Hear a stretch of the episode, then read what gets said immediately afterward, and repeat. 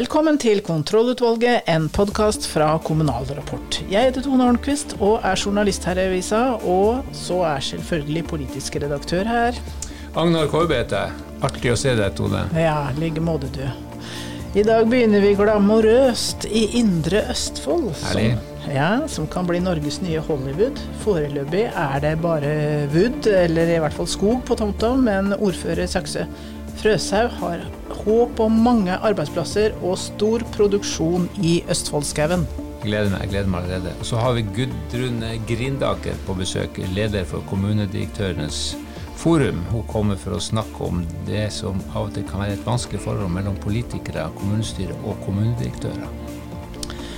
Hva er ungdomsrådene opptatt av? Vi skal eh, snakke med Tuva Hansen i Risør ungdomsråd om bl.a. rusforebygging og ungdomsklubb. Og under eventuelt så skal vi høre om en dommer som sovna. Er dagsorden godkjent? Dagsorden er godkjent, og møtet er satt.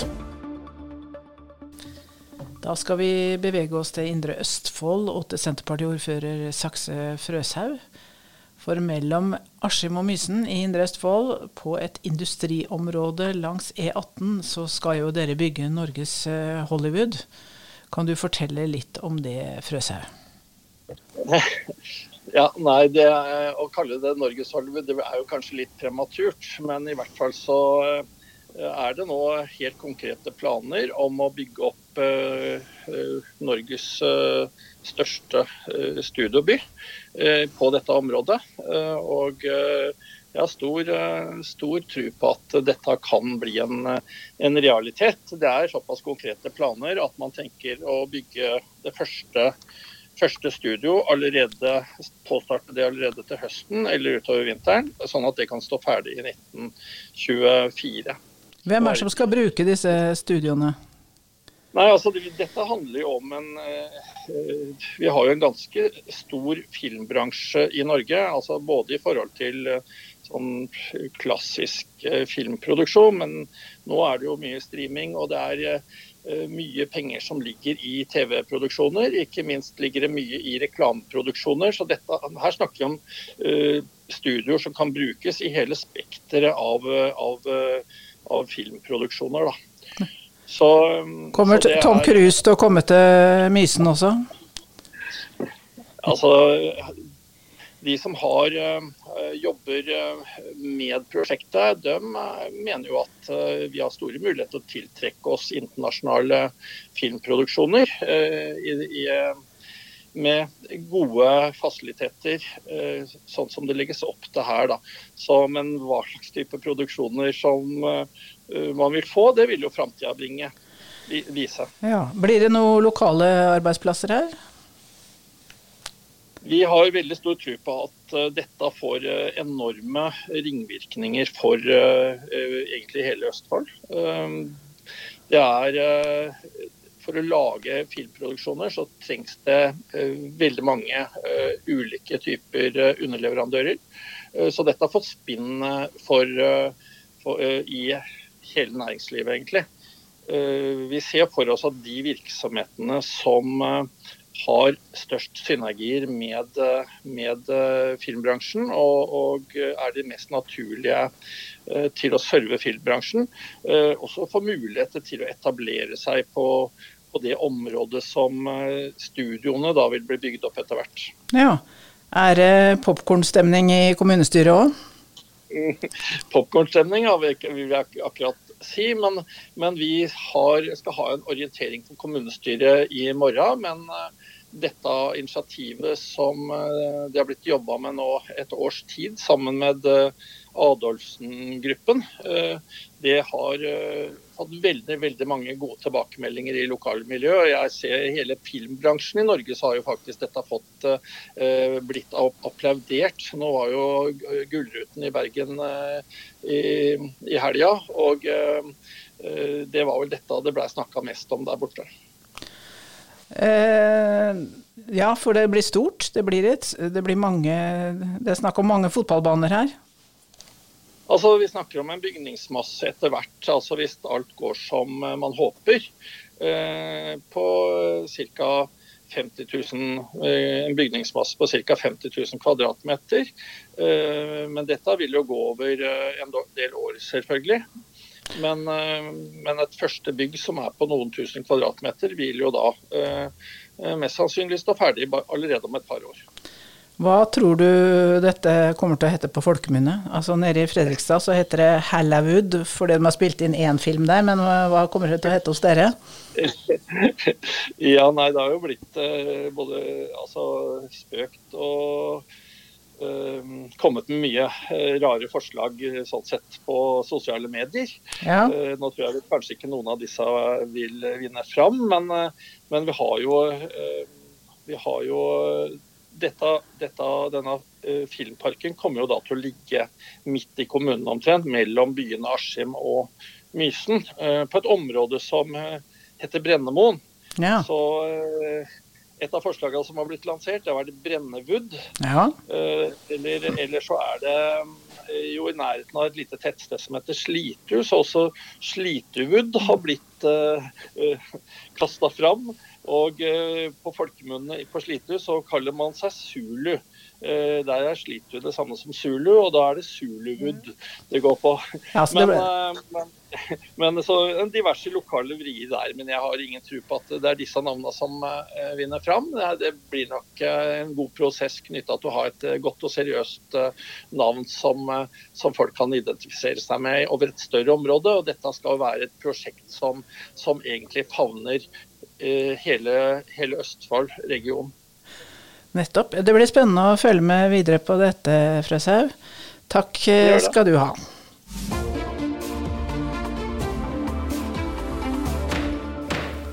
Da er vi kommet til uh, kommunedirektørdelen av podkasten. Nylig ble det avsagt en dom i Hålogaland lagmannsrett i en mye omtalt sak i, fra Brønnøy kommune, hvor lokalpolitikerne, altså kommunestyret, sa opp uh, rådmannen. Det sa, var han selvfølgelig uenig i og gikk til sak, og oppsigelsen ble kjent ugyldig. Uh, og han har da fått uh, erstatning nå i flere runder, og fått medhold i en del av sine anførsler. Vi skal ikke gå inn i selve saken og detaljene i den, men vi tenkte skulle, vi skulle diskutere litt dette forholdet mellom kommunedirektør og kommunestyre. Og, og for å få belyst det, så har vi med oss deg, Gudrun Grinaker. Du er leder av, eh, daglig leder av Norsk kommunedirektørforum. Velkommen. Takk skal du ha. Ja, um, kommunedirektør og kommunestyre de må jo helst eh, stå på god fot. Men eh, hva, det, hva, skal et, eh, hva, skal de gjøre når, eh, når, en konflikt, som jo da gjerne oppstår, det skal ikke så mye til, en uenighet, når den går på tilliten løs, sånn som det skjedde i Brønnøy, hvor rett og slett lokalpolitikerne sier opp eh, kommunedirektøren? Altså Én ting er hva man gjør når tilliten svikter. Vi har jo også lyst til å snakke om før tilliten svikter. Men hvis det oppstår, så er det jo viktig å sette seg ned og prøve å finne ut av hva handler det om. Eh, er dette noe som kan løses, eller kan det ikke løses? Um, så, men kan vi gå tilbake igjen og snakke om før? Ja da, vi skal jo helst unngå å havne i en ja. situasjon hvor det går på tilliten løs. For jeg tenker jo at det, det, som er viktig, er jo når du skal rekruttere en ny kommunedirektør, så er det jo viktig at man gjør en grundig analyse. Uh, hva er kommunens behov nå? Hva, hvilken kompetanse trenger vi?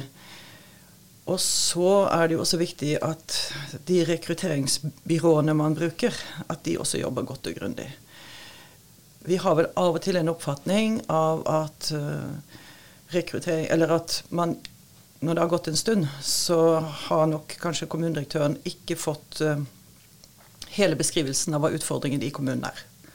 Så det er noe med å begynne, begynne å jobbe godt og grundig før man blir ansatt. Sånn at den som får jobben, vet uh, hva vedkommende går til? Ja, det, og det er viktig. Og så er det jo viktig, som eh, KS i folkevalgtprogrammet også sier, altså at man har et, eh, et lite arbeidsgiverutvalg, gjerne med ordfører, varaordfører og en fra det største opposisjonspartiet, eller det største partiet. Eh, at man har samtaler um, og går igjennom gjensidige forventninger. Hva er oppdraget, hva er de største utfordringene? Så å ha en dialog underveis er viktig. Så en sånn medarbeidersamtale som vi kjenner fra det vanlige arbeidslivet? Ja, noe, noe sånn, som KS kaller utviklingssamtale. Ja. Hvor også kommunedirektøren kan si noe om hvilke forventninger man har til sin arbeidsgiver. For det er jo viktig. Mener du at det underkommuniseres dersom det ligger en konflikt i kommunen eller kommunestyret, at det ikke blir kommunisert godt nok til kandidaten? I mange tilfeller så tror jeg nok det er sånn. Nå er det jo mange kommuner, og det er veldig store forskjeller. Eh, enkelte steder så går jo dette helt glitrende. Men mange steder så blir kommunedirektøren ganske overrasket når du har vært der en stund og ser hva som egentlig er inni skapene. Det, eh, og det er klart, en kommunedirektør, Når du søker en jobb, så bør du jo selvfølgelig også prøve å sjekke ut hva går du til, og vil du ha oppdraget. Det er en viktig del av det. Men, eh, så Derfor tenker vi også at disse lederavtalene som gjerne inngås, eh, det kan være lurt at man venter med å utvikle de til kommunedirektøren har vært der en stund, og så konkretiserer de. For da har man kanskje sett hva oppdraget egentlig går ut på. Ja, for jeg, jeg, sa at vi skal ikke gå inn i den Brønnøy-saken, men jeg har jo lest den dommen. og Der står det jo en, der diskuteres jo det at kommunestyret sier at de hadde noen forventninger til denne lederen. og på bakgrunn av tidligere prestasjoner og hva vedkommende sa, og så diskutere dommen. Akkurat dette her, altså. Det er ikke så enkelt. Eh, men eh, det må jo være en lederavtale på plass når du ansetter, knytta til eh, jobbsikkerhet og oppsigelsesvern og en del sånne ting.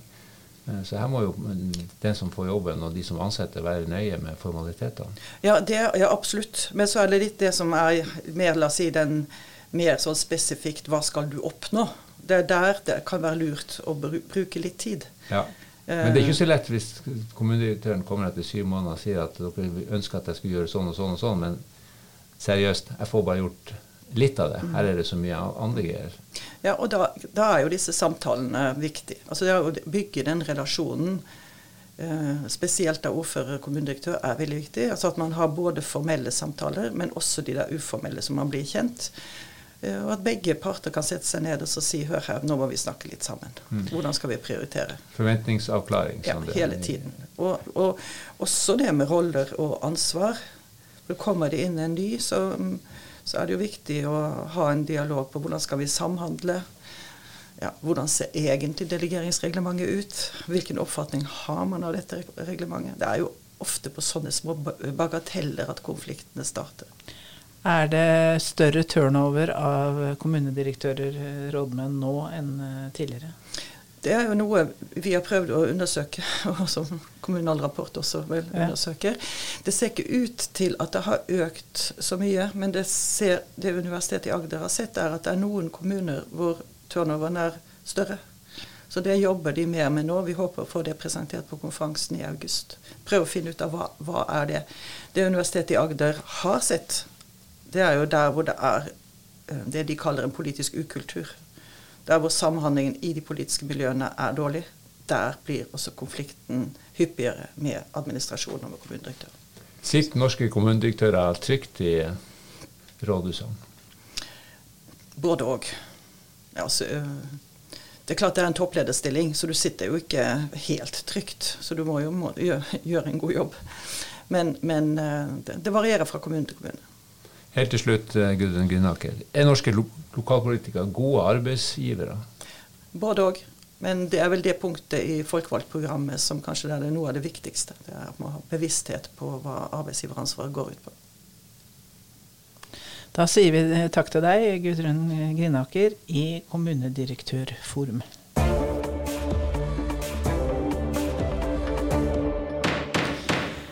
Vi skal snakke med ledere av ungdomsråd og ungdommens kommunestyre rundt om i landet. Og I dag har vi kommet til Risør og til eh, deg, Tuva Hansen, leder av ungdomsrådet i Risør. Ja, hallo. Hallo, hallo. Hvor mange er dere i ungdomsrådet i Risør? Vi er seks ungdommer. Tre fra videregående og tre fra ungdomsskolen i byen.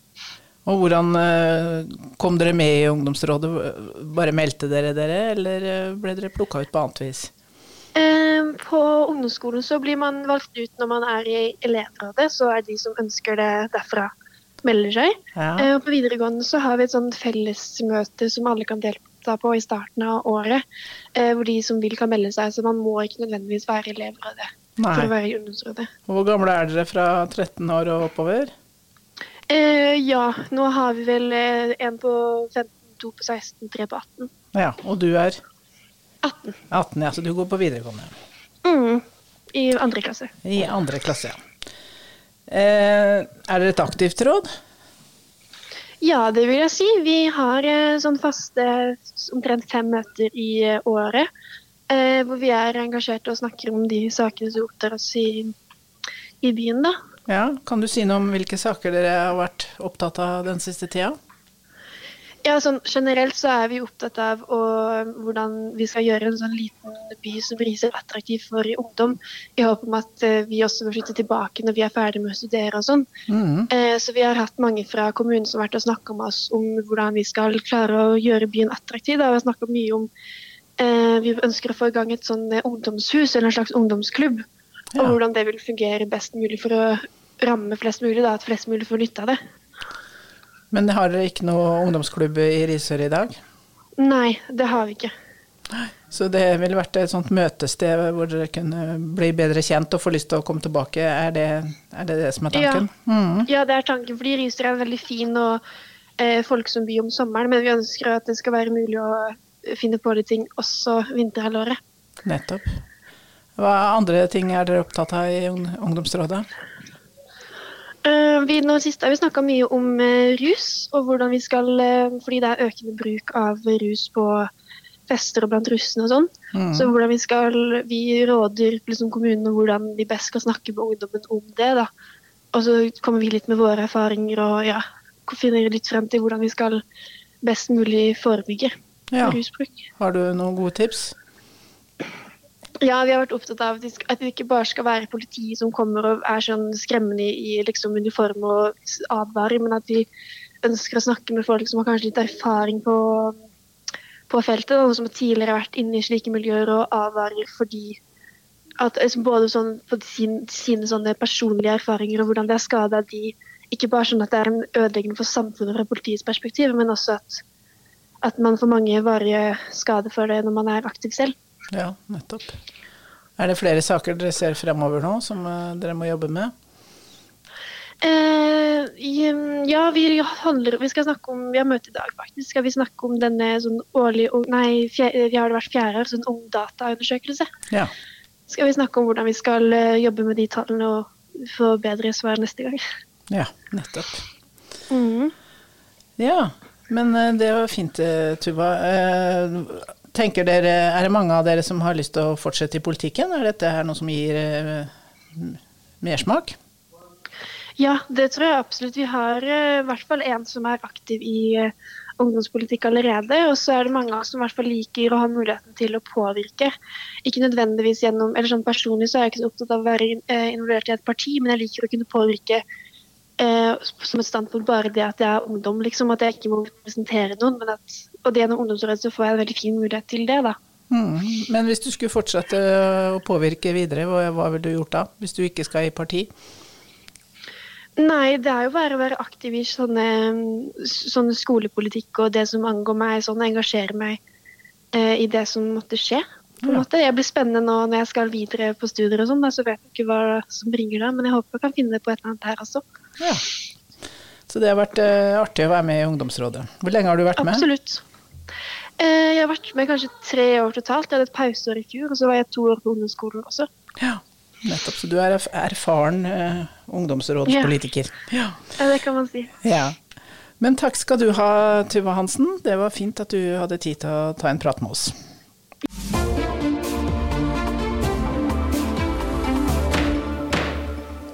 Da skal vi nordover til en besynderlig sak fra Bodø og Salten og Lofoten tingrett. Det skal vi. Det er en stor erstatningssak som har gått lenge i tingretten, og som kommunen da er involvert i. Og på dette, denne dagen så var ordføreren blant vitnene i rettssalen, og meddommeren han sovna.